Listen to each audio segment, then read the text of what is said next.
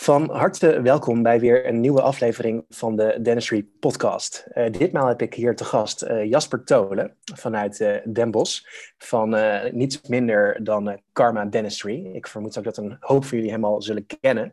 ik heb persoonlijk Jasper zelf leren kennen op het Dynamisch Keramisch Congres in de Johan Cruijff Arena van Dental Best Practice en Accent Tandtechniek, een aantal jaar geleden. En ja, ik heb toen ook al ontdekt eigenlijk dat Jasper een ongelooflijke bevlogen, maar ook een hele sociale uh, gast is eigenlijk. En ook hartstikke leuk om uh, iemand te mogen ontmoeten van ongeveer dezelfde generatie. Want ehm, ja, de afgelopen keren is het natuurlijk ook regelmatig van de oudere garde geweest. We op die manier met met mensen bezig waren. Dus Jasper, uh, we gaan lekker um, kennis maken um, voor, voor jou en voor de luisteraars. En uh, ik ben heel erg benieuwd, want... Ik, ja, ik ook, ik heb geen idee. We hebben, we hebben dit letterlijk vijf minuten geleden bedacht om van, goh, kun je nu? Ja, ja, ja let's do it. Het is vrijdagavond half tien. Exact. ja, waarom niet? Ja, dus uh, nou, we gaan in ieder geval een hoop waarde bieden. En een uh, inkijkje eigenlijk in het, uh, ja, in het leven van Jasper Tolen en welke stap hij heeft genomen om ja, te, te, zijn waar hij dan nu staat.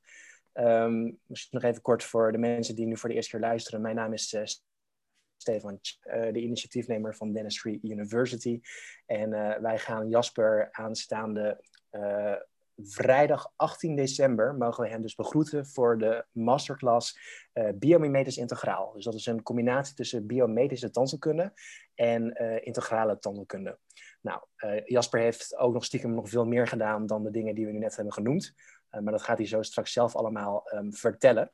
Um, dus ik ga niet dat gras voor je voeten wegmaaien. Maar we gaan nu eindelijk beginnen met de eerste vraag, Jasper. En dat is namelijk de vraag die ik iedereen stel. Um, uit wat voor soort gezin kom je?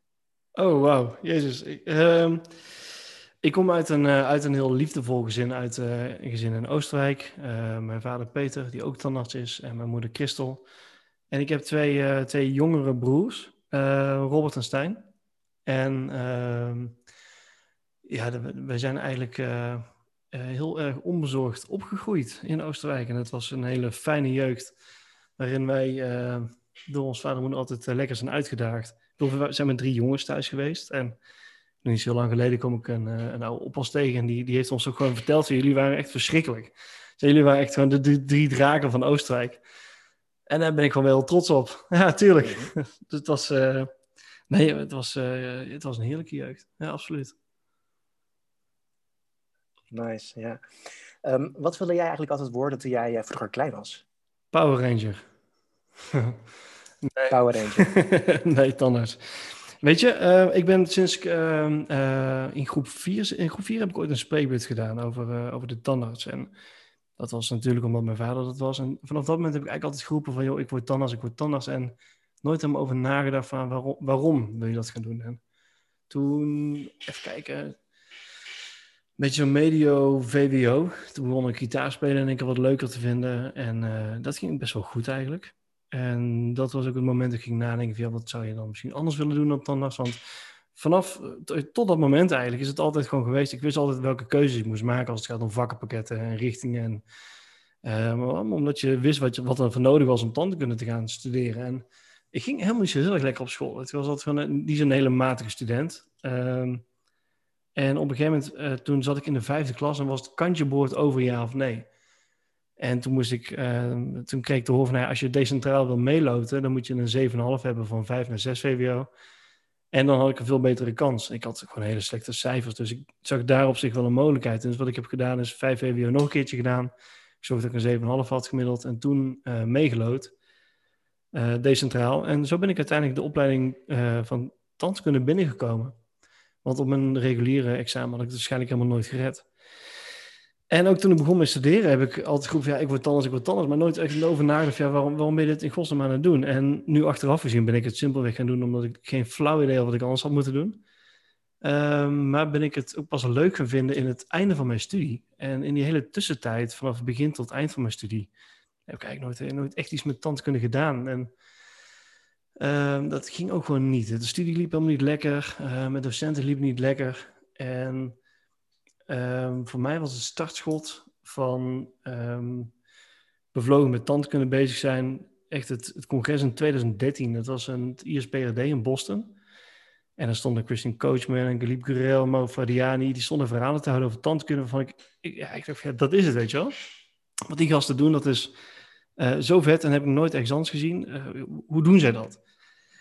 En toen ben ik eigenlijk een beetje gaan zoeken van ja, hoe, hoe doen zij dat dan? En, en de programma's gaan downloaden en de literatuur ingedoken. Vanaf toen werd het ook een soort van speurtochtje en, en zoeken en ontwikkelen. En kwam ik ook op praktijken terecht die die tandkunde in Nederland uitvoerden. En zo is het balletje eigenlijk een beetje gaan rollen. Dus ik heb altijd tandarts willen worden. Uh, tenminste, ik heb, ik heb eigenlijk altijd geroepen dat ik tandarts wilde worden. Uh, maar pas in het eindstadium van mijn studie wilde ik het ook echt worden. Ja. -hmm. Wauw. Ja, nou, dat is een, uh, een uitgebreid antwoord op een korte vraag. Ja, wel maar aan. Wel een uur, ik had inderdaad nog een uh, heel rijtje vragen staan, maar uh, ik al drie kwart heb beantwoord. Um, maar in ieder geval, deze wil ik nog even één keer benadrukken. Want uh, ik heb je toen ook destijds na het congres in de arena leren kennen in de Amsterdamse stad. En dat was ook erg gezellig en afgesloten met een, met, met een knalvijf, zeg maar. um, wat voor soort student was jij? Oh jezus, dat is hele, ja, dat ligt heel erg aan vanaf wat voor, uh, hoe je dat bekijkt. Nou, laten we beginnen te bekijken vanuit als tan student. Ik was de meest aanmatigende slechte tandheelkundestudent die je kan voorstellen. Ik haalde slechte cijfers, altijd minimaal. Praktijktoetsen gingen me wel goed af. Ik had het al in mijn vingers, maar theorie zo. Het interesseerde me ook gewoon, gewoon helemaal geen klap. Uh, dus ik was, ik was eigenlijk een hele slechte tandkundestudent. Um, ik was wel een hele goede uh, studentico-student, dus ik zat bij een dispuut en een vereniging en uh, alle commissies die je zo'n beetje kan bedenken, heb ik daarin gedaan. Dus daarin heb ik wel veel ontwikkeling gedaan. Um, maar toen ik voor de derde keer ongeveer mijn eerste jaar moest gaan doen, toen heeft mijn vader op een gegeven moment gezegd, ja, leuk en aardig vriend, weet maar als jij uh, ervoor kiest om alleen maar feesten te maken in, in de stad, dan ga ik dat niet betalen voor je. Dus toen werd ik gedwongen om, om te gaan werken en uh, kwam via via al verschillende baantjes gedaan en wel hele leuke dingen gedaan. Totdat op een gegeven moment een uh, collega, uh, die had een broer. En die was advocaat uh, en die had een, een, contact in Thailand en die maakte overhemden. Dus maathemden, pakken, tassen, dat soort dingen. Dus wat die man deed, die kwam elke keer met het vliegtuig uh, naar Nederland gevlogen, vier keer per jaar. En dan meet hij alles op en dan liet hij staaltjes achter. En dan kon je kiezen, nou, ik wil dat overhemd en die kleur en die, die boord en et cetera. En toen werd ik hem gezegd, nou, dat kunnen wij dat niet voor jou hier in Nederland doen. Hè? Want daar, daar konden we wel geld mee verdienen en zo. Hij vroeg echt 8 euro inkoop voor die hemden en misschien voor 25 euro over de toonbank. En dat was mijn eerste bedrijfje. Il Giglio Exclusive Clothing, samen met Simone Cortellini. En Simone Cortellini was ook een tandkundestudent en uh, inmiddels een, echt een hele goede parodontoloog, heeft ook veel lezingen. Uh, en met z'n tweeën zijn we dat begin tot avontuur aangegaan, maar het liep compleet uit de hand. Ze hebben echt in twee jaar tijd, na twee jaar hadden we winkel in Nijmegen en door heel Nederland 26 man die dat aan het opmeten waren. Dus dat ging eigenlijk qua ontwikkeling ging dat heel erg goed. Wat moeilijk was, is dat ik nog steeds tandkundestudent was. Dus ik moest het allemaal combineren en, en, en, zorgen dat die colleges goed gepland werden. Um, dus ik zat in de collegezaal, was met werk bezig en tijdens werk was ik met, met studie bezig. Dat liep allemaal volledig door elkaar heen. Maar ik werd er wel verdomd handig in met plannen. En wat ik merkte is dat ik op een gegeven moment dus ook mijn studie gewoon haalde. Um, en ik ging mijn punten binnen, binnen tikken en ik had ik mijn bachelor. Toen ik zei, wacht even, als ik dit wil blijven doen, dan moet ik gewoon stoppen met tandkunde. Of ik ga met de tandkunde door, uh, want dit is niet hetgeen wat ik eigenlijk leuk vind om te doen. En dat laatste was wel een beetje het geval. Dus het ondernemen zelf, dat uh, heb ik daar echt geleerd. Um, echt wel hard op mijn bek gegaan ook een paar keer. Maar um, wel gerealiseerd, ja, dat ondernemen vind ik leuk, maar die hele mode-industrie en het, het, vak waarin wij werkten, vond ik moi.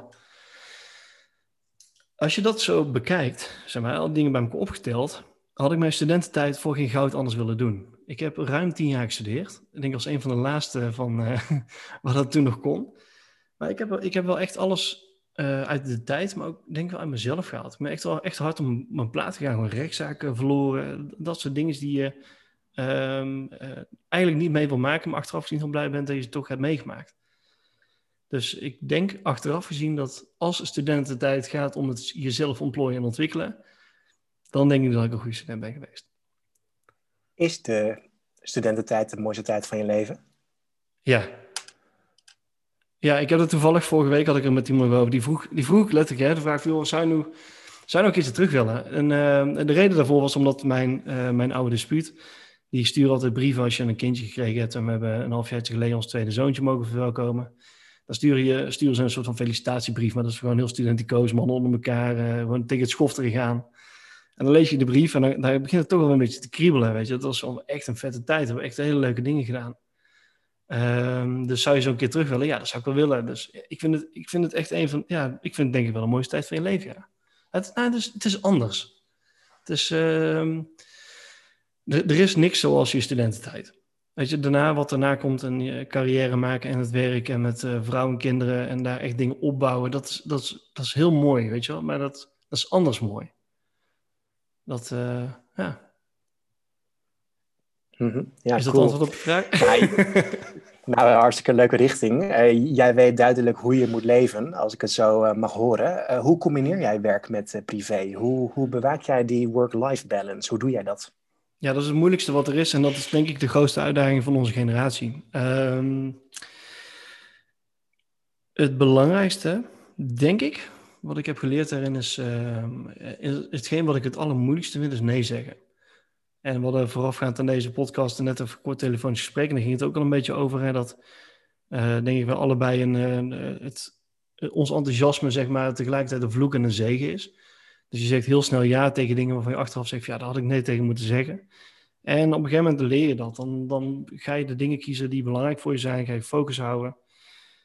En doordat je focus houdt en je werk eigenlijk beter gaat, uh, hou je ook heel veel energie over voor thuis. En wat veel, denk ik, gebeurt in onze, uh, onze leeftijdsgenoten, is dat die zo bezig zijn met het alleen maar gaan en meer en sneller en groter en mooier. En daar zit geen eindstreep aan. Weet je, je, je gaat die wedstrijd nooit winnen. En dan is het op een gegeven moment focus krijgen en het ding wat je doet op een dag uh, koesteren, als je het leuk vindt tenminste. Um, en dat heel goed doen, heel waardevol, omdat je dat energie geeft. En die energie neem je mee naar huis toe. En dan ben je privé ook een veel leuker mens. En daar heb ik wel veel, veel, veel in geleerd, denk ik, de afgelopen jaren. Het, uh, het corona was in die zin ook wel een mooie, mooie stop. Want het ging zo snel en zo hard. Um, en binnen een hele korte tijd, in 2016 ben ik afgestudeerd.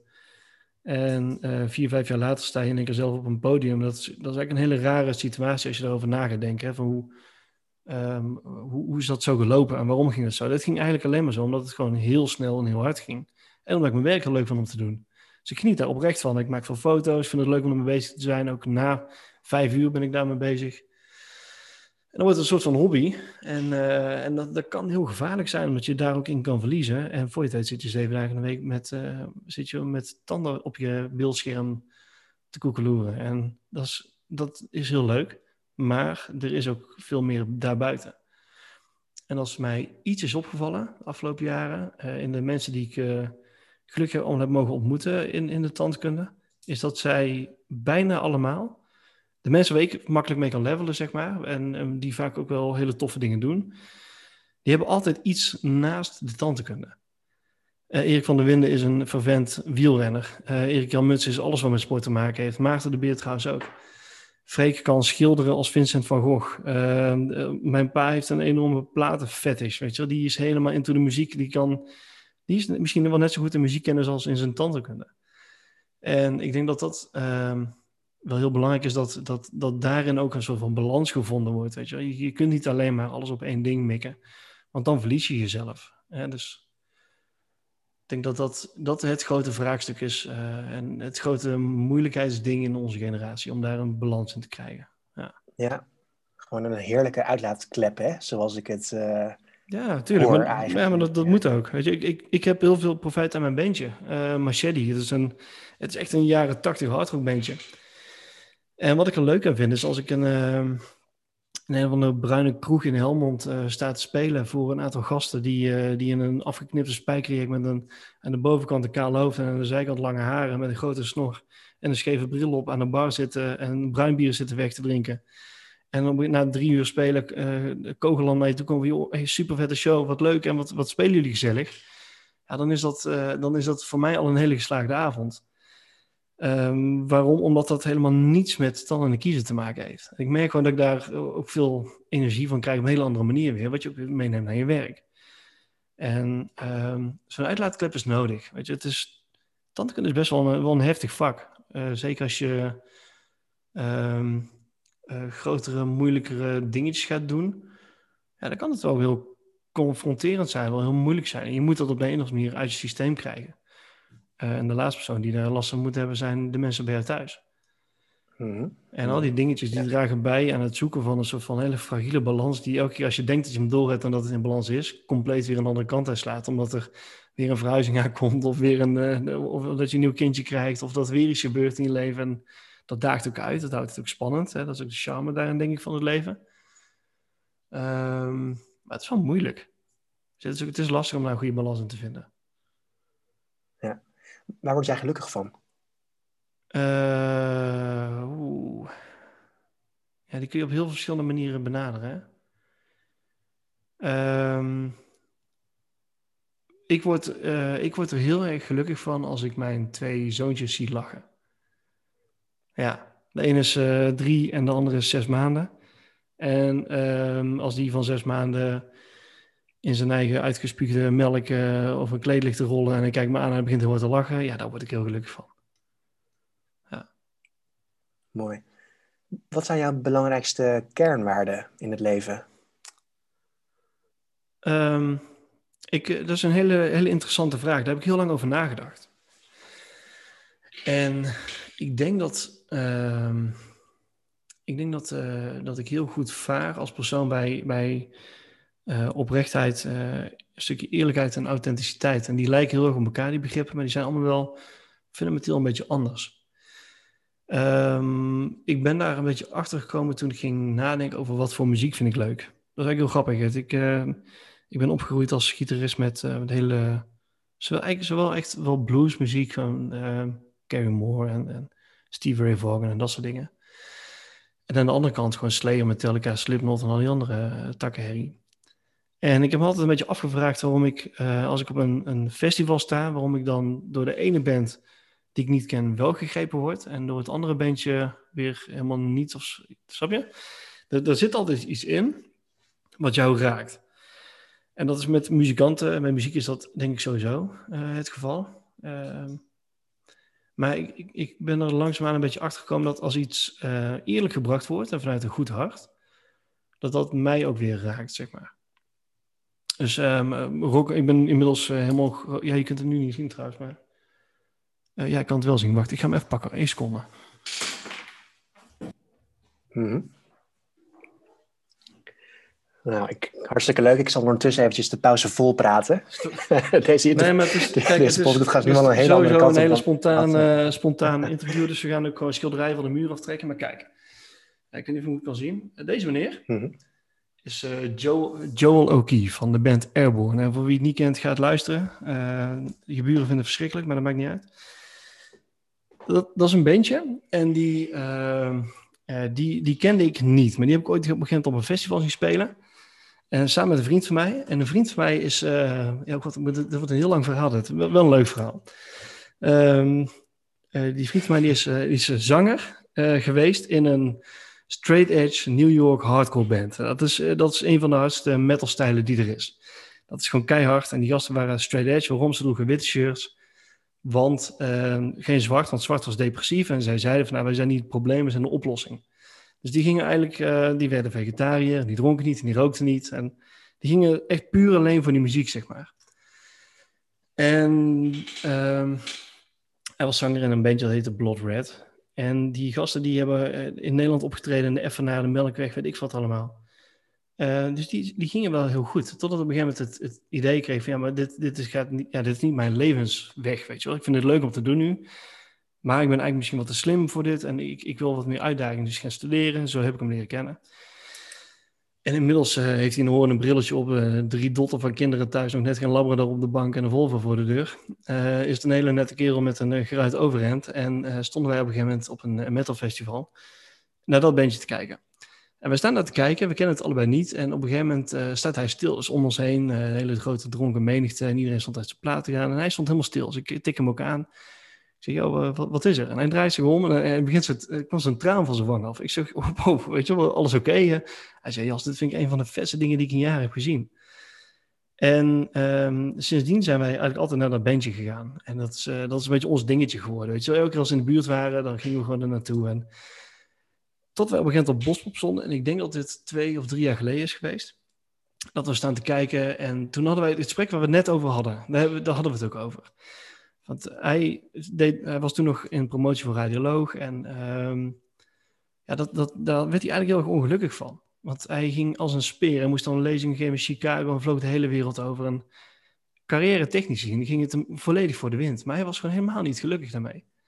En um, op een gegeven moment hebben we daar in dat gesprek ook wel gezegd: ja, maar moet je dan niet gewoon heel wat anders gaan doen? Moet je gewoon niet gaan stoppen? En toen heeft hij die, die dag uh, onder andere ook wel besloten. En op een gegeven moment zijn wij nou, wat verder op de dag. En we zien er een opening staan aan de zijkant van een hek. En er stond een heel lange rij van de mannenwc. En ja, dikke vinger. Wij sprinten daar door die, uh, door die openingen naartoe. En we staan er in één keer staan wij backstage. En we kijken aan van, eh, ja, waar gaan we heen? Naar de mainstage natuurlijk. Dus wij als een sodemieter helemaal rond hem heen gelopen. Komen bij zo'n post. En, uh, en op een gegeven moment, ja, hoe kom je voorbij? Een hand in je zak, Engels lullen en doorlopen zo het gezien. En voor we het wisten, stonden wij gewoon zonder bandje, gewoon uh, trespassing, stonden we daar gewoon achter de mainstage. En wij zien daar op een gegeven moment dus die bandbus van hun staan. Dus wij echt als twee jonge kinderen, oh, fans van die Bieber Boys. Dus wij daar naartoe, naar die buschauffeurs, ja, die zitten binnen te eten. En toen keken we naar zo'n tent, en zo'n grote witte artiestentent daar. En, uh, en toen kwamen in één keer kwamen die bassist tegen. Uh, weet je wel, uh, een hele relaxed dude. We een kwartier mee staan horen. Goh, waar is de rest van de band? Die zitten binnen te eten. Oké. En toen keken we naar die tent, er stond er geen beveiliging meer voor. Dus wij daar als de sodemieter naar die tent toe naar binnen gegaan. En op een gegeven moment zitten zij daar, uh, zitten we zien wie die band zitten. Zo, ja, ja, wat, wat doe je, weet je wel? Dus dat, hè, dat is een heel bekend gezegd, never meet your idols. En dit was wel een van die momenten van, ja, wat gaan we doen? Gaan we, gaan we dit echt doen? Dus wij daarheen gelopen, goh, ja, ik vind het vervelend om te vragen. Super vette show. Uh, ja, mogen we met jou op de foto? En um, hij zei, ja, natuurlijk, kom, kom zitten, een biertje hebben. Dus we hebben echt gewoon anderhalf uur met die gasten staan ouwe hoeren en staan, staan kletsen. En ik had vlak daarvoor hadden wij, had ik een wedstrijdje gewonnen van Strauman. Dat was een, uh, uh, ja, je kon een gitaar winnen. Ja, dat, dat is voor mij een dodelijke combinatie, tandenkundige gitaar. Dus die hebben we gewonnen. En die ben ik gaan ophalen in een Airborne t-shirt. En uh, ik liet die foto zien van, ja, weet je, wat doe je dan in het dagelijks leven? Ja, ik ben tandarts. Toen keek me al een beetje raar. Ik zei, ja, maar kijk, let, verhaal verteld, foto laten zien. En ze, ah, oh, you must be a really good dancer. Ik zei, nou, dat valt wel mee. Hè? Ze no, when we are around, uh, can I have your, uh, your, uh, your email? Dus ik heb hem gewoon een e-mail gestuurd en wat gegevens in weer uitgewisseld. En die meeting met die gasten en ook de, de antwoorden na met hem was, was zo relaxed en eerlijk, zeg maar, dat me dat heel erg geïnspireerd heeft. En ik heb altijd wel gedacht, van, die, die gasten staan op de grootste podium ter wereld en blijven gewoon normaal doen. Er zit gewoon geen greintje narcisme of ego of wat dan ook, gewoon helemaal niks in. En die egoloosheid, um, dat vind ik heel authentiek. Dat vind ik heel mooi. Weet je, dat is heel eerlijk. En ik denk dat dat, dat me de eerste keer dat we hem zagen wel heeft getrokken. Oké, dit zijn gasten die staan gewoon volle bak te rocken, zeg maar. Er zit ook helemaal niks, geen, geen effect of wat dan ook. Het is gewoon zo puur waar je naar staat te luisteren. En dat blijkt ook aan hoe ze als persoonlijkheid zijn.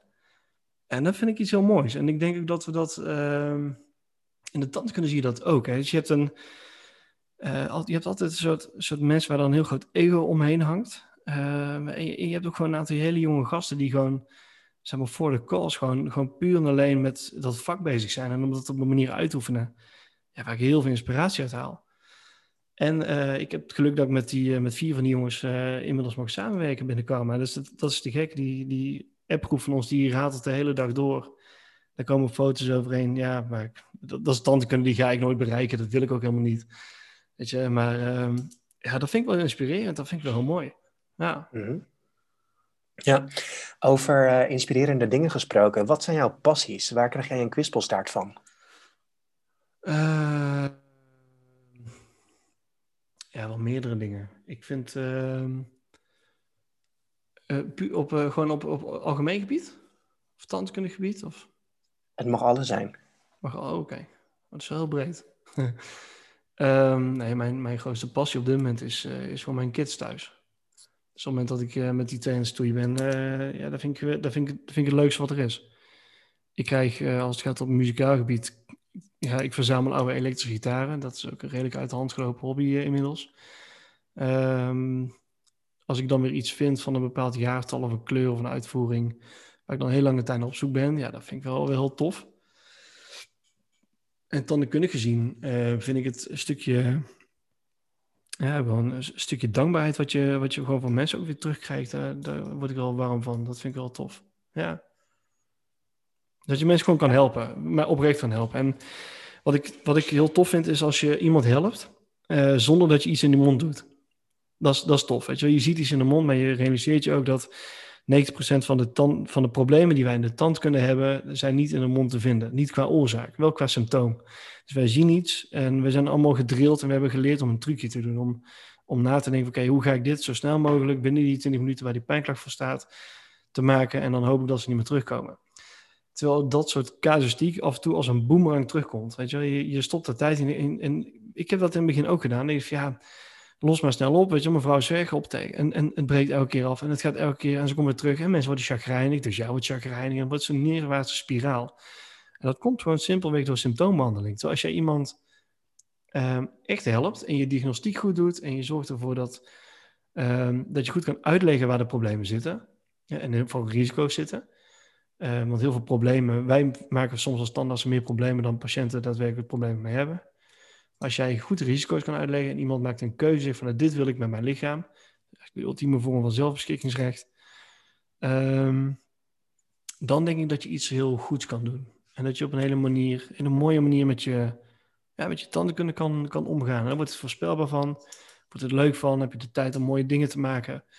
Uh, de mensen weten al wat ze krijgen, wat ze kunnen verwachten van je. Um, Mensen kiezen vaak ook voor jou in plaats van voor het behandelplan. Hè. Dus we, doen in Oostenrijk, uh, ik werk voor Lasse Standaards in Oostenrijk. We krijgen veel uitgebreide casuïstiekes. Mensen die, die echt al jarenlang uh, proberen een probleem op te lossen. Dat lukt niet. En dan komen ze langs en dan ga je kijken en denk ja, jongens, uh, hoe, hoezo heeft niemand dit kunnen zien? Ehm, en dan ga je het ze heel langzaam uitleggen. En dat gaat vaak om hele langzame trajecten. Niet eens hele dure trajecten, maar gewoon langzame trajecten. En als jij goed in staat bent om het uit te leggen, op die manier iemand uiteindelijk ook echt daarmee te helpen, ja, dan vind ik dat wel waardevol. Dat vind ik heel mooi om te doen. Ik moet opeens aan, uh, aan deze vraag uh, denken en ik heb die nog nooit gesteld. Ik heb die ook net bedacht. Maar stel je voor dat de tandheelkunde überhaupt in zijn geheel nooit zou hebben bestaan. Wat zou je dan zijn geworden? Gitarist of architect? Wat vind jij leuker? Um, tandheelkunde, ondernemen of alles andere, zeg maar? Ja, het is eigenlijk allemaal hetzelfde, hè? Um, het ligt allemaal met elkaar. Het heeft met een mindset te maken, denk ik. Kijk, als jij een, een proactieve mindset hebt en een positieve mindset, dat is mooi, hè? We, begonnen, we hadden net over Jan met zijn straight hardcore. Een van de termen die daar naar voren komt is PMA. Dat heeft te maken met positive mental attitude realiseer dat jij niet uh, de problemen hebt, maar de oplossing. Dus als jij iets kan bieden aan mensen, dan krijg je ook weer iets voor terug. Um, uiteindelijk, als jij je, je tandheelkunde als een ondernemer opzet, en dan heb ik het niet over geld verdienen, maar dan heb ik het echt over uh, ondernemerschap als het creëren van, van waarde hè, voor iemand en uh, in een behandeling. maar ook het creëren van een, een plan en transparantie. En er zijn zoveel marktbegrippen die, die vanuit de bedrijfskunde kunt toepassen op de tandkunde. En, en waar vaak dan ook misschien een stukje gemis zit in de tandkunde. Um, en in zorg in het algemeen. Waar je dus van allebei wel wat kan leren. Ik denk, ik denk dat als jij je als, als tandarts, als ondernemer opstelt, um, dan ben jij heel goed in staat om hele goede restauratieve tandkunde uit te voeren. Want de restauratieve tandkunde is niet meer dan dat. Je bent echt een manager. Je moet meerdere partijen aansturen. Je hebt een plan. Dat, stel nou dat je een patiënt echt als een klant ziet. Een, een, klant komt naar jou toe en die zegt: joh, ik heb een huis, dat wil ik eigenlijk verbouwen. Ja, dan zul je toch met al die partijen moeten gaan om de tafel gaan. Dus oké, je, hebt de, je hebt de aannemer, je hebt de, de elektra, je hebt de, de, de loodgieter, je hebt weet ik veel wat allemaal. En de tandkunde werkt dat ook zo. Iemand komt binnen, er is een, er is een probleem, je, je, je, zet eigenlijk letterlijk je maquette op. Dat is hoe we in Oostenrijk ook werken. We denken van tevoren naar wat we gaan maken. Dat doen we met heel veel verschillende technieken, analoge als eh, digitale technieken. Maar we zijn eigenlijk al in staat om een soort 3D-hoofd te maken. Hè? Dus dat je dus met intraorale scans, met extraorale scans, met 3D-CBCT's, met segmentatie van die, van die radertjes. Dus je, kunt, je hebt eigenlijk een volledig digitaal 3D-hoofd, waarin jij zegt van nou, dit is hoe het nu is. En dan moet je eigenlijk als een soort van mechanicus gaan denken, hoe kan ik dit nou laten bewegen dat het vervolgens klopt? Dus je wil, je tanden en kiezen als tandwielen laten kloppen bij hoe jouw schedel in elkaar zit. En dat is gewoon zuivere mechanica. Dat is echt heel logisch nadenken over mechanica en complicerende factoren die daarbij spelen. Bijvoorbeeld spieren, ligamenten, et cetera. En als je, uh, als je dat kunt, en dat, ik geloof heilig in dat je jezelf daarin kan trainen en dat er heel veel hulpmiddelen zijn om je daar ook in te helpen. Um, als je vanaf dat eindstadium, dus dat eindproduct je naartoe wil werken, dat gaat vertalen naar de verschillende disciplines, ja, dan moet je ook met al die disciplines in overleg gaan. Dus nee, jij, jij, dicteert als regisseur, van een, als regisseur restauratief tandarts van nou, ik wil dat jij dit doet. Nou, met digitale orthodontie is dat heel makkelijk. Hè? Dus kun je zo'n Invisalign of een AirSmile traject of weet ik veel wat, kun je uitstippelen. Je kunt um, uh, voorafgaand eraan een uh, MKA-chirurg zeggen, ik wil dat jij op deze manier een bepaalde behandeling uitvoert. Uh, restauratief gezien heb je eigenlijk alles al uitgepland. En doe je het zo dat jij zo minimaal mogelijk weefsel weg hoeft te halen. En dat, dat is echt, echt ondernemen.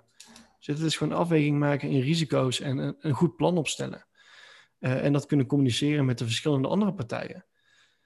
Dus het, het, zit wel heel strak met elkaar in, heel strak met elkaar verweven. Kijk, op het moment dat jij zegt van ja, dat, dat wil ik niet. En ik wil gewoon, uh, ik ben de loodgieter en ik ga me alleen maar met uh, het ijzerwerk en, en de leidingen bezighouden.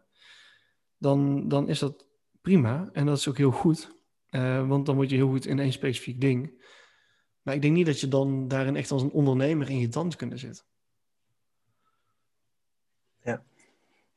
Ja, jeetje man. Uh, ik, ik geef je zeg maar, hoe heet dat? Uh, ik geef je een vinger en je pakt een hand qua antwoorden. maar dat is alleen maar heerlijk. Had ik je van tevoren uh, Volgende vraag. ja, ja. Ja, we, we zeiden van laten we hem niet te lang houden. Hè? 40, 50, maximaal een uurtje. Maar we gaan even de tijd zetten. Um, wie zijn jouw grootste ins inspirators? Oh. Mooi. Um, mijn vader, mijn moeder, mijn broertjes. Uh, sowieso mijn familie. En de muziek echt wel Waarin, de, de jongens van... leren jouw broertjes uh, jou? Uh, ik heb, uh, ik heb twee hele bijzondere broertjes je stelt wel de juiste vraag, want er zijn het hele lange antwoorden. Nee, mijn, ik heb mijn broertje Robert en Stijn. Robert heeft, uh, die ging op een gegeven moment studeren in Maastricht. Ik, spreek die mannen heel vaak en we, we, zitten, we zitten heel goed met z'n drie op een lijn. En ik, zij inspireren mij heel erg, omdat de dingen die zij doen, die vind ik zo tof, uh, dat mij dat ook weer energie geeft. Uh, Robert heeft uh, studie gevolgd, werd hem niet, vond hij niet tof. Vervolgens naar Eindhoven gegaan, bedrijfje opgestart in films maken. En twee jaar later vloog hij de hele wereld over met DJ's, met Nicky Romero. Maakte hij aftermovies voor grote festivals.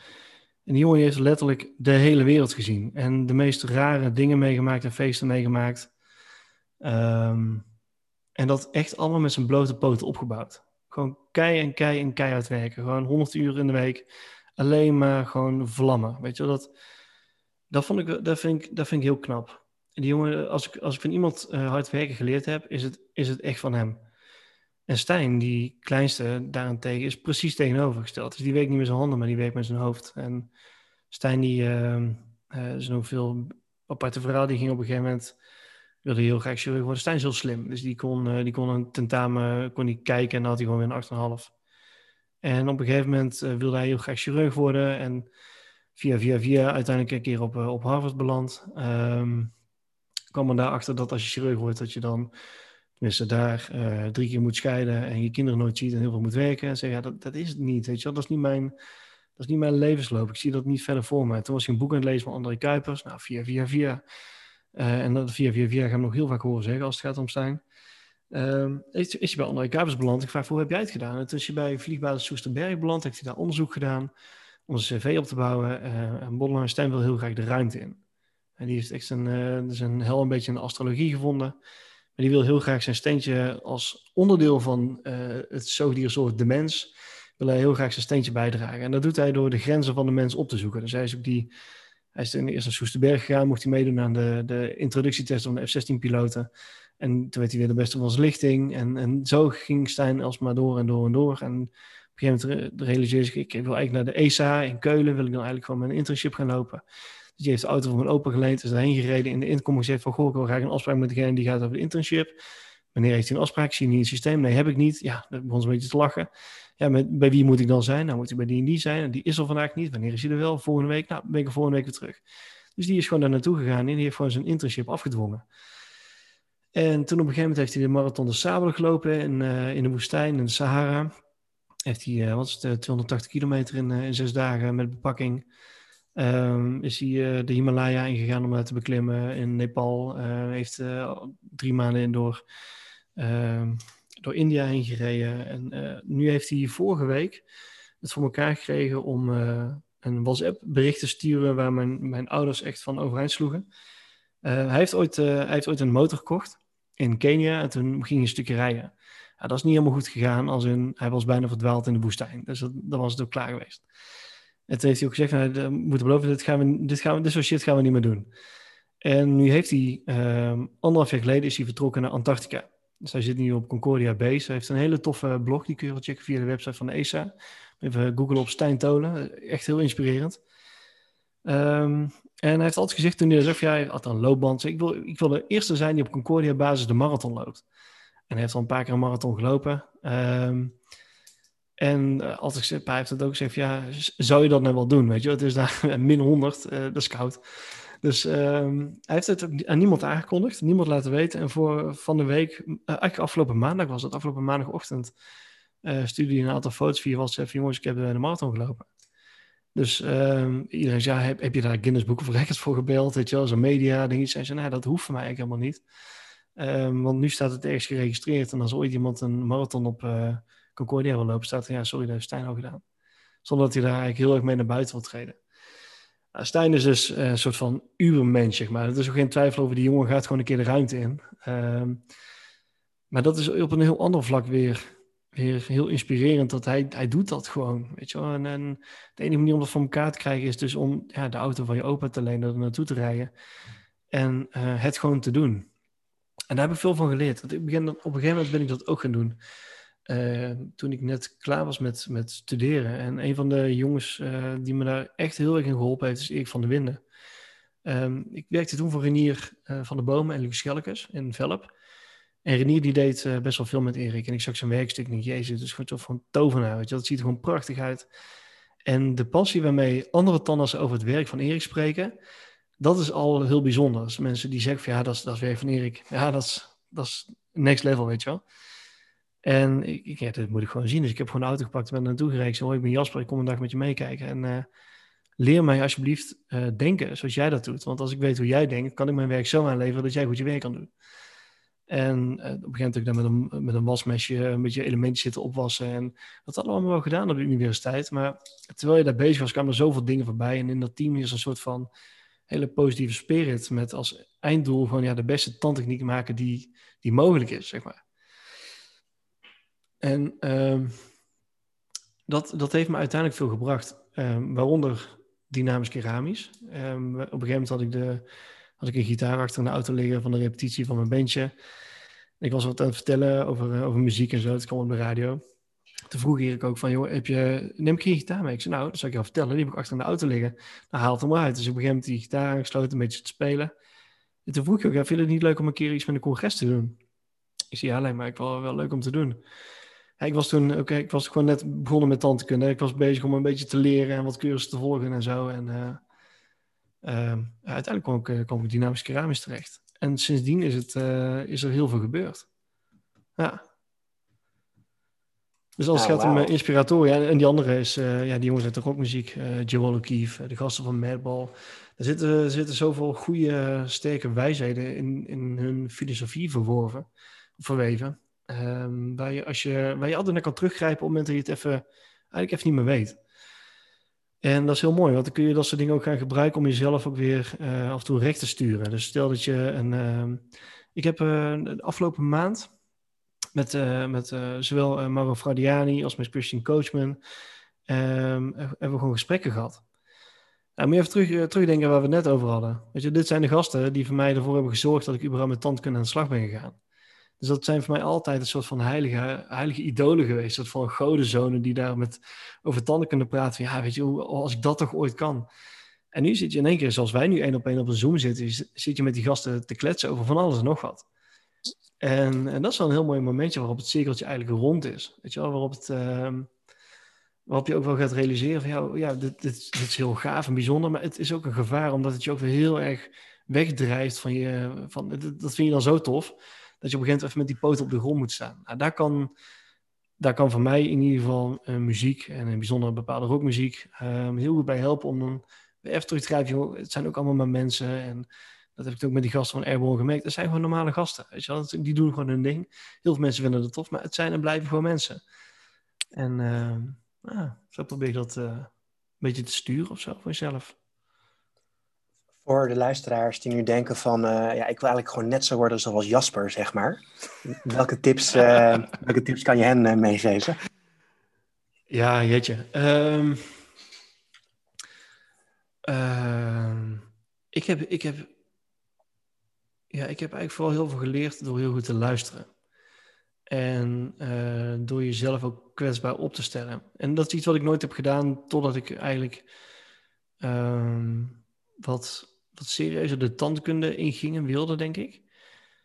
Um, omdat je, je, je, wordt, je, je komt op een gegeven moment een soort van flow terecht, waarin je dan, waarom iedereen alles alleen maar meer, harder, sneller, groter moet. En er wordt niet, wordt niet jij, maar wordt iemand anders voor een congres gevraagd om naar te spreken. En dan ben je eigenlijk een soort van half jaloers. Ja, maar hoezo hij wel? Want ik, ik ben veel beter. Dat gevoel, hè. Dat, dat, dat sluipt er op een gegeven moment in. Dat is niet alleen met tandartsen, maar dat is bij, bij heel veel leeftijdsgenoten eigenlijk zo. En door uh, een keer een stapje terug te doen en af te remmen en na te denken van waarom ben ik dit aan het doen, leer je heel erg veel. En dat is een heel mooi boek over van Simon Sinek. Het begint met het waarom. Dat is eigenlijk een soort van marketingstrategie. Uh, wat erover gaat dat mensen uh, kopen waarom je het doet en niet zozeer wat je doet. Dat wat je doet is eigenlijk gewoon aanvullend aan hetgeen waarom jij dat aan het doen bent. En daar leer je heel veel van. Niet alleen in je tandkunde, maar ook ehm, als, als mens. Van waarom vind jij dit belangrijk? Kijk, je kunt, je kunt echt wel een hele grote, snelle, dure auto willen en hebben. Maar je moet je altijd gaan afvragen, waarom heb ik dat? Nou, bijvoorbeeld, ik heb inmiddels iets meer dan 50 elektrische hangen. En ik heb mezelf echt moeten gaan afvragen, Jezus, waarom heb ik dat in godsnaam gedaan? En inmiddels heb ik die antwoorden wel gevonden. En een van die antwoorden is omdat je nog in zo'n flow zat van snelheid en, en, en moeten, zeg maar. Terwijl, ja, je moet helemaal niks. Uh, het, enige, het, enige, wat jij moet is uh, verantwoording aan jezelf afdragen en proberen bij je eigen kernwaarden te blijven. En jezelf continu afvragen waarom je dat in heel snel aan het doen bent. En dat geeft heel veel rust en opluchting, omdat het de bijzaken van je kernzaken uh, scheidt. En dat is iets wat, wat je gaat nodig hebben als je, als je als jonge ouder dingen met elkaar wil combineren. Ik heb met bijvoorbeeld Naomi Doelen, dat, dat is ook zo'n kanon, weet je wel. Dat is zo'n enthousiaste, uh, tandkundige, ja, die, die vindt het helemaal te gek. Maar die is tegelijkertijd ook gewoon weer een, een jonge moeder. En dat zijn hele moeilijke, frigide balansen. We hebben op een ook een podcast met haar gemaakt en met, met Willemijn. Ehm en dat ging ook een beetje daarover, hoe, hoe hou je die balans? Ja, dat is echt proberen zoveel mogelijk bij je kern te blijven. En dat probeer ik te doen. Dat gaat de ene keer beter dan de andere keer. En af en toe kan ik mezelf daar gruwelijk in verliezen. En enorm op een plaat gaan. En uh, dat is ook leuk. Dat hoort er ook bij om te leren van. Maar het boek van Simon Sinek, mm -hmm. begin met het waarom, is, is echt, een, echt een dikke aanrader. Daar heb ik veel van geleerd. Ook, ook als het gaat om tandkunde. Hè, dat, als ik een behandelplan presenteer, dan doe ik dat, probeer ik dat tegenwoordig eigenlijk te doen in mijn normale kleding. Dan zit ik dus gewoon in, in, in, in een t-shirt met gimpies uh, achter mijn, uh, letterlijk achter mijn bureau met een, met een hele grote iMac van uit te leggen en te wijzen van joh, dit, dit, dit, dit ben, ik, uh, ben ik van plan. Maar dat is, ik probeer altijd eerst uit te leggen waarom het allemaal zo gekomen is. Weet je, en als je weet waar iets vandaan komt, kun je ook voorspellen waar het naartoe gaat. Uh, dus waarom is het zo goed komen? En waarom gaat het dan vervolgens dit gebeuren? En, en die, hetgeen waar het dan naartoe gaat, is misschien iets waarvan mensen zeggen, maar dat wil ik dus niet. Dus dan geef je zo een keuze om er dus iets aan te doen. En wat je dan daarna van plan bent, of het nou combinatie ortho, uh, orthognaat of wat dan ook is, ja, dat komt allemaal wel. Je moet eerst uitleggen waarom het een probleem is of een risico is. En dan, dan komt de rest wel. En dan maakt eigenlijk hetgeen wat je daarna gaat presenteren, uh, maakt niet meer uit. En dat hoor je heel vaak, hè, dat, uh, dat je in compromis um, cases, dat heel veel mensen, ik heb, uh, vraag je ook van, goh, heb je voorgesteld om bijvoorbeeld met ortho te doen? Ja, dat heb ik voorgesteld, maar wilden ze niet. Terwijl als, je, als ik aan iemand vraag van, uh, stel je hebt een gesprek, je hebt een behandelplanpresentatie. En je gaat een heel plan, heb je maar uitgewerkt. En, ehm, en je vraagt iemand op de man af, wil je ortho? En zegt nee. Nee, want er zijn wel vieze metalen grote dingen en doet pijn heb ik helemaal geen zin in.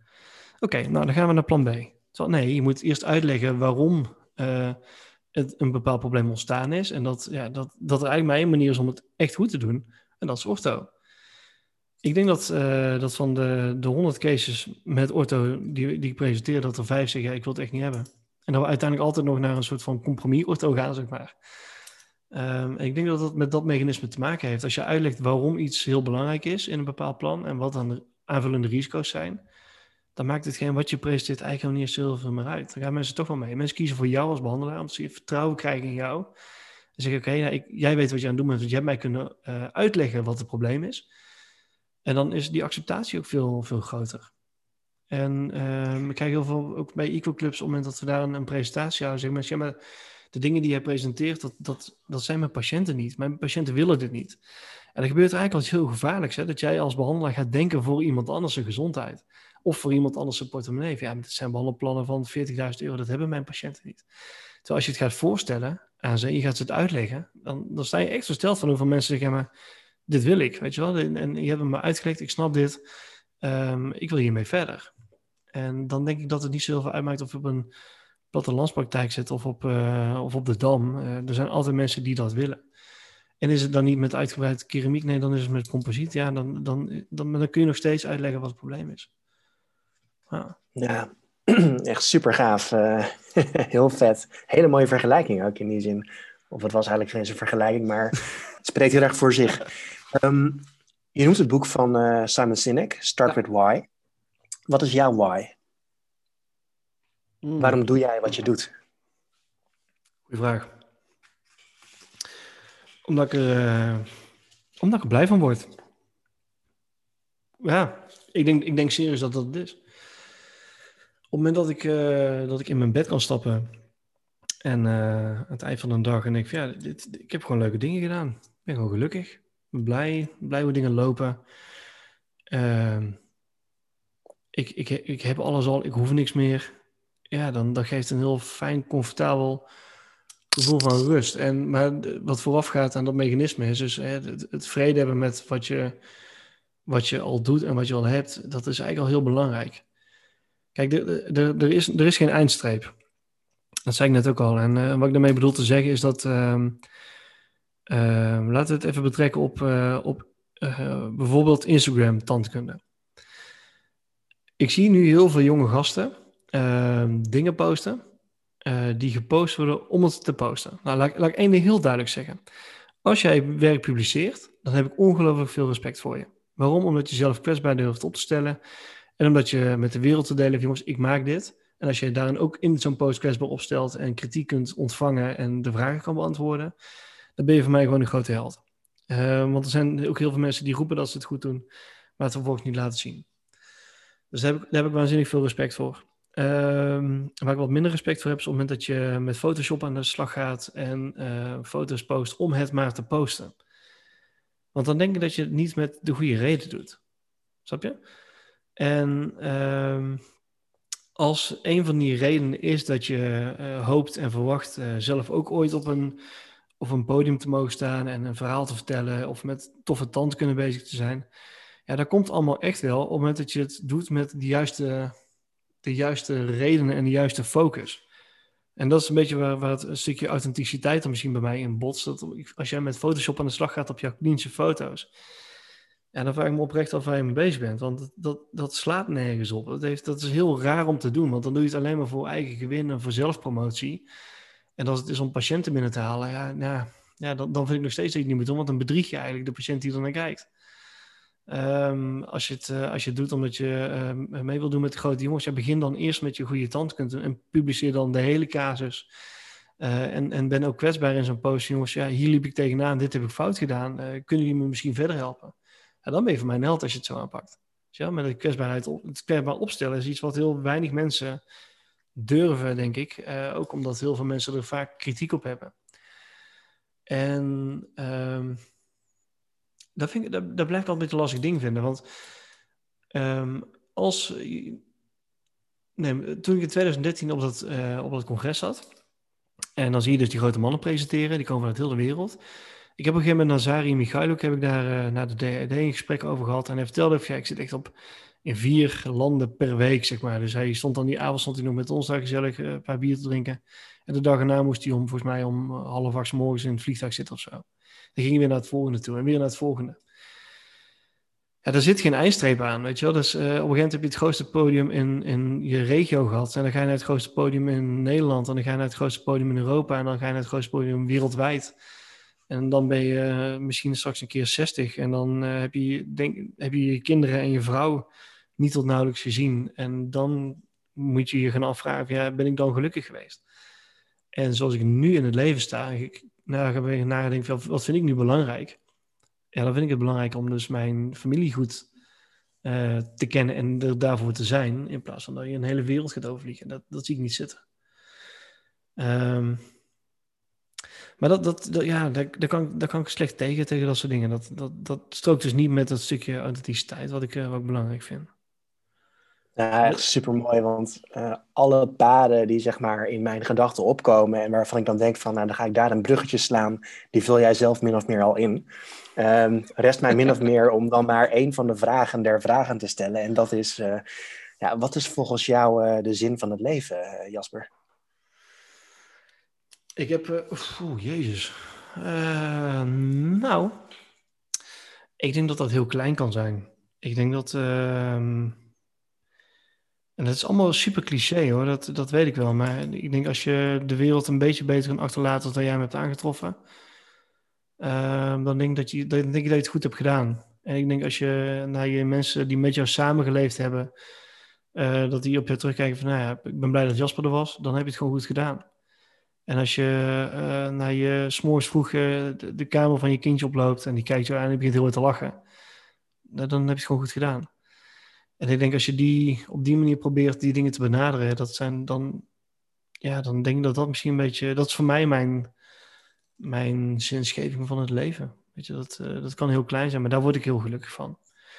En uh, uiteindelijk gaan we om een keer dood. Ik hoop dat het nog heel lang duurt. Um, maar ik denk dat, uh, dat als je probeert van je geboorte tot aan je dood in jouw hersenpan zoveel mogelijk geluksmomentjes en gelukshormonen aan te maken zonder daarmee andere mensen te schaden, zeg maar. En dat kan dus met, eh, met boeken lezen zijn, dat kan naar muziek luisteren zijn, dat kan van kunst genieten zijn, dat kan van andere mensen om je heen genieten zijn. Um, ik denk dat, dat het daar een beetje, een beetje om draait. En uh, ik moet zeggen dat ik ook daar in de afgelopen jaren wel weer een beetje veranderd ben. Weet je, je krijgt altijd wel een neiging om een beetje wat materialistisch te gaan denken. Zeker als je realiseert dat je als tandarts heel snel op een heel hoog inkomen zit. En dan zijn dat verleidelijke dingen. Uh, maar er is altijd iets wat beter, sneller en mooier is. Um, en ik heb van Stijn wel geleerd om ook wel te realiseren hoe klein wij eigenlijk zijn.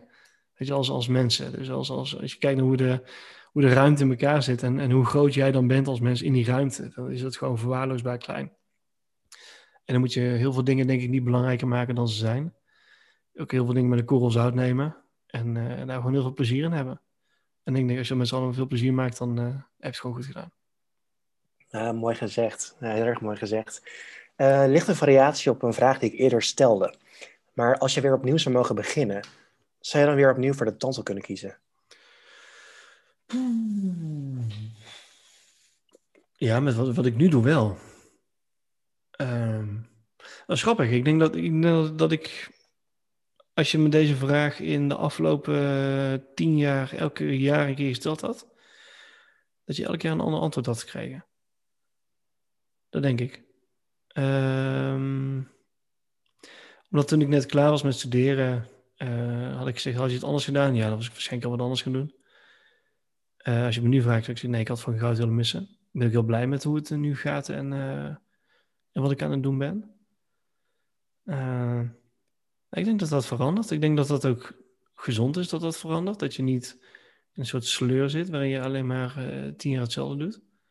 Dus die, die veranderingen en die ontwikkelingen die komen. Afgelopen jaren veel met karma gedaan. En dat, dat, ja, moet dat zijn wat letterlijk met je idolen uh, uh, samenwerkingen opzetten is gewoon bijzonder. Dat, dat verandert wel. Dus ik ben ook heel benieuwd wat, wat het komend jaar gaat brengen, het jaar daarop. Um, mm. Ja. Wat is het beste boek, dan wel de beste film die je mensen kan aanraden om te kijken? Ehm, ja, ik vind het boek, vind ik, denk ik toch dat ik weer Signing ga zeggen, omdat het een mooi startpunt is. Dan heb je heel veel andere boeken, hè, van, uh, ja, over die zelfhelpboeken die ik niet allemaal lees, moet ik eerlijk zeggen, maar waar ik af en toe wel uh, doorheen blijf, af en toe iets probeer uit te halen. Ik vind uh, dus uh, Stouter Why van Signing vind ik, vind ik heel tof. En film. Uh, van, ja, weet je, ik denk dat dat voor mij serieus gewoon Star Wars is of zo. En niet zozeer omdat je daar, uh, omdat je er hele belangrijke les uit haalt. Hoewel dat altijd een uh, hele goed kwaad verhaal en een beetje in verweven zit en zo. Maar omdat het je terugduwt naar de plek waar je vandaan komt.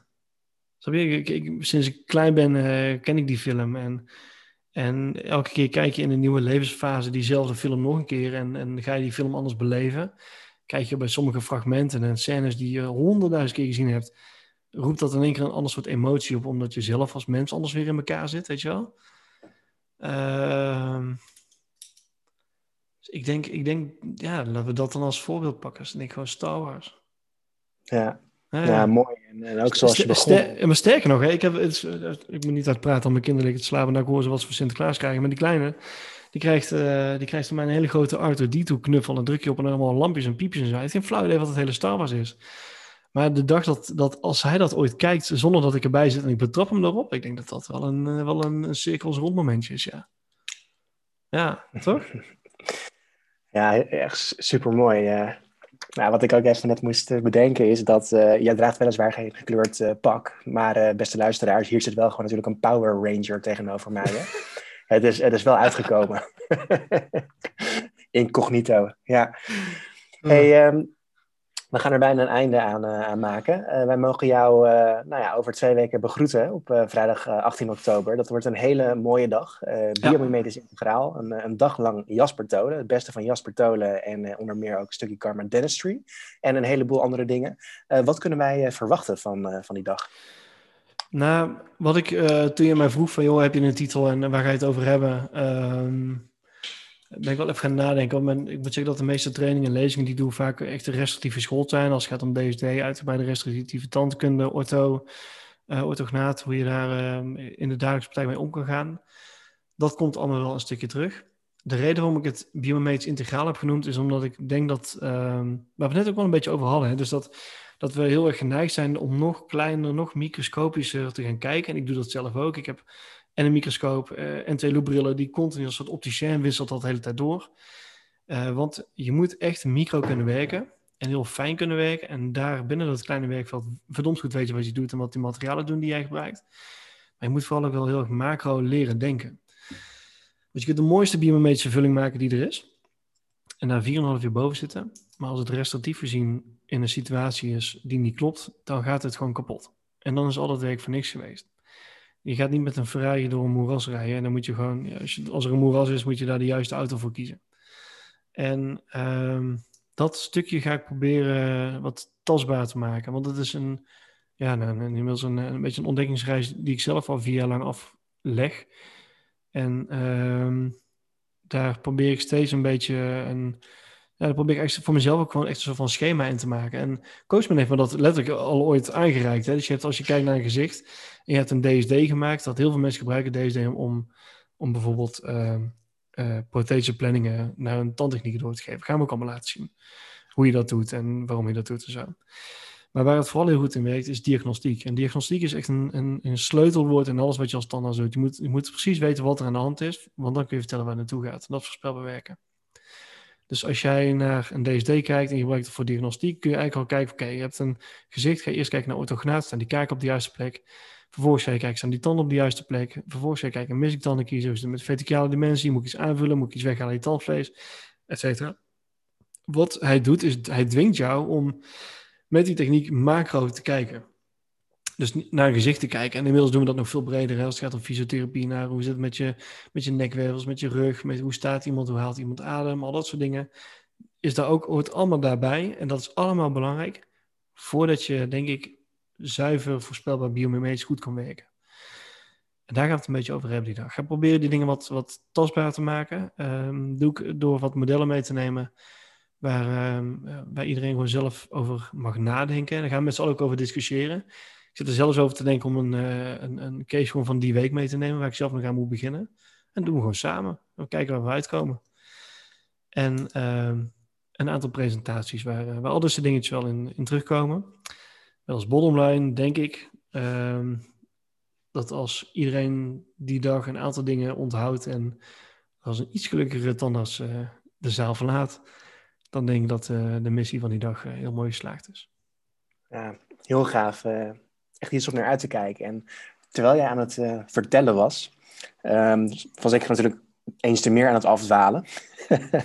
en zit ik gewoon te denken van, joh, uh, ik weet niet of je ooit al een keer van het begrip uh, regressietechnieken en zo hebt gehoord, maar het schijnt dus zo te zijn dat wij allemaal, als je erin gelooft tenminste, natuurlijk in vorige levens actief waren. En ik ben stiekem wel heel erg benieuwd wie jij in een vorig leven was.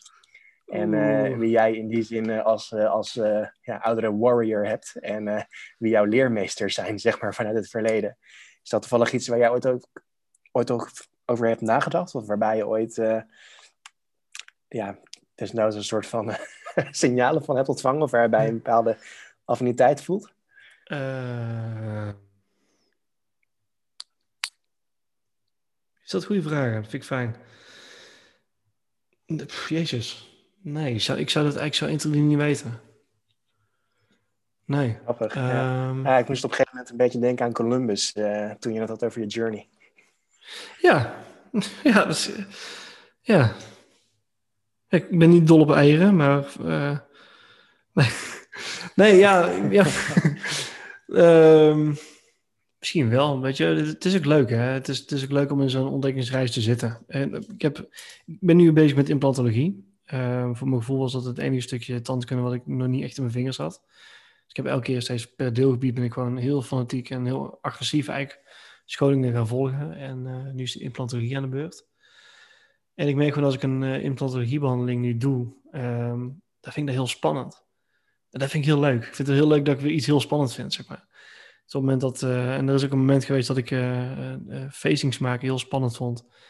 Terwijl, ja, nu doen we het aan de lopende band. Um, en is het een gewoonte geworden. En dat stukje uitdaging, zeg maar, dat als, uh, als je uitdaging gebruikt als fundament voor jouw ontdekkingsreis, dan denk ik dat je heel, heel leuk met de tandkunde bezig kan zijn. En hoe meer je weet, zeg maar, hoe harder je ook realiseert van, oh, ik heb dingen echt vier jaar geleden echt verkeerd gedaan of anders gedaan. Ja, het zal niet verkeerd zijn geweest, maar ik had het nu anders gedaan. Dat is, dat is een hele leuke vorm van, van evaluatie en uh, zelfontwikkeling. Ja. vet man. Eén laatste vraag. Uh, welke yes. take-home messages mogen wij uh, meenemen naar aanleiding van ons gesprek deze dag? Ah, luister Airborne. AI. nee, um, ja, heb, heb, vooral heel veel vrede met wat je aan het doen bent en, en daag jezelf uit dat, dat dat een beetje wel de kern moet zijn. Um, bij mij in ieder geval heel gelukkig. En ik kan niet iemand anders uh, wat mij geluk maakt opdringen. Uh, ik kan alleen zeggen hoe ik het heb gedaan. Dat ik heel blij ben met hoe ik nu in het leven sta en wat er gebeurt om me heen. Dus. Mm -hmm. Ja, nou, en dan als laatste een van de vragender vragen van journalisten. Maar heb ik jou vergeten iets te vragen wat ik jou wel had moeten vragen? Nee. Nee, wat zou betekenen dat ik verwachting zou hebben aan dit gesprek. En dat had ik eigenlijk helemaal niet. Wat het des te leuker maakt. ja, awesome man. Nou, ik, merk ook sowieso van, uh, dit hadden we nog zeker nog, uh, nog een dag kunnen doortrekken. Maar dat gaan we voor nu niet doen. We, gaan we doen uh, over twee weken. ja, exact, dat gaan wij nog over, over twee weken gaan we dat sowieso doen. Um, klein tipje van de sluier, want komende week op de donderdag van, van half negen tot half tien organiseren wij een gratis Q&A webinar met Jasper. Dat is op donderdag 10 december. En dat is alvast een eh, klein voorproefje van wat er gaat gebeuren een eh, week later, op de vrijdag. Dus daar volgt ook nog een korte promo voor. Dus u bent van harte uitgenodigd. Um, bent u ook sowieso geïnteresseerd in hetgeen wat wij doen? En, um, en, en, ben je ook geïnteresseerd om ja, die masterclass met Jasper bij te wonen? Neem dan een kijkje op dentistryuniversity.com. En um, ja, dan maken we graag een keer kennis met je. Jasper, heel erg bedankt voor jouw tijd en voor jouw inspiratie, jouw kennis en jouw wijsheid vanavond. Ehm, ik ben heel erg benieuwd hoe deze podcast klinkt als ik hem ga terugluisteren. Ja, en, ik ook, als ik eerlijk ben. Uiteraard. We zetten er nog even een mooie cover bij. En uh, dan, gaan we, ja, dan is dit slechts het begin van de reis die we met z'n allen gaan maken. Dus ja, nogmaals hartelijk dank ook u voor het luisteren. En we zien u graag weer een volgende keer terug.